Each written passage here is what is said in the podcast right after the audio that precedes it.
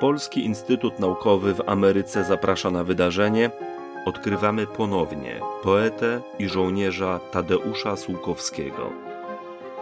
Pragniemy przybliżyć Państwu wybrane archiwalne materiały przechowywane w kolekcjach Piasa w Nowym Jorku i będące polskim dziedzictwem kulturowym na obczyźnie.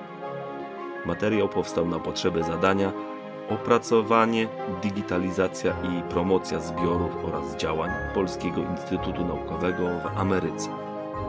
Dofinansowano ze środków Ministra Kultury, Dziedzictwa Narodowego i Sportu Rzeczypospolitej Polskiej.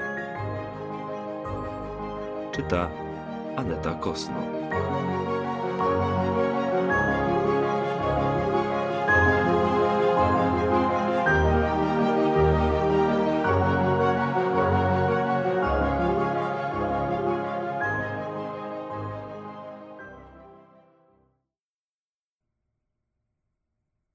Szósty września 1947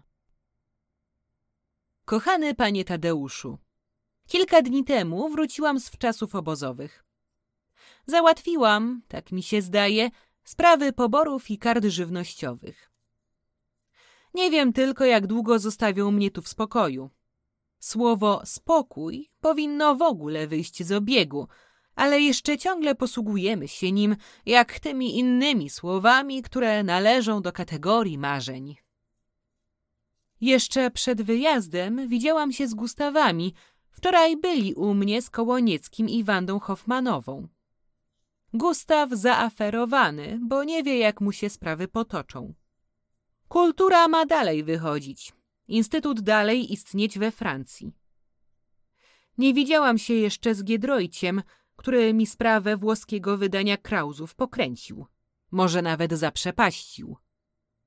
Nic im się nie wiedzie na platformie życia, zawsze nawiązują dobre stosunki z pogodą, względnie z przyrodą. Zatem i ja tak samo. Kiedy pan przyjedzie na spotkanie z Gustawami? Podobno są niedaleko pana i, jak mi mówili, próbowali pana ściągnąć bezskutecznie. Przyjechawszy, muszę najpierw wrócić do normy, przyzwyczaić się znowu do mojego trybu życia i poniekąd do siebie samej. Pisałam chyba, że bawi tu Kołoniecki. Widziałam się z nim kilka razy.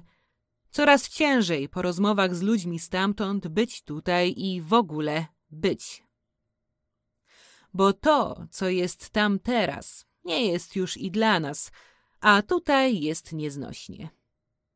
Usiłuję trzymać się w ryzach, ale już nie bardzo mi się to udaje. Jestem jak w nieznanym lesie i zabłądziwszy popadam w panikę.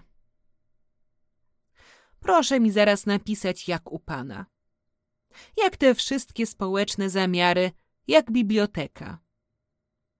Zawsze mi się zdaje, że pan wymija siebie. Czy tak? I dlaczego? Proszę się nie gniewać na wścibstwo. Zwalniam też pana z odpowiedzi, jeżeli to panu sprawia przykrość. Serdecznie pozdrawiam i czekam na list. Herminia Naglerowa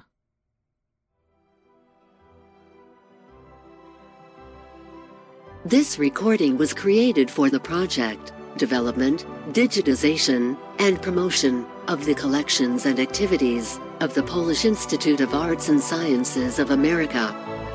Co-financed by the Ministry of Culture, National Heritage, and Sport of the Republic of Poland.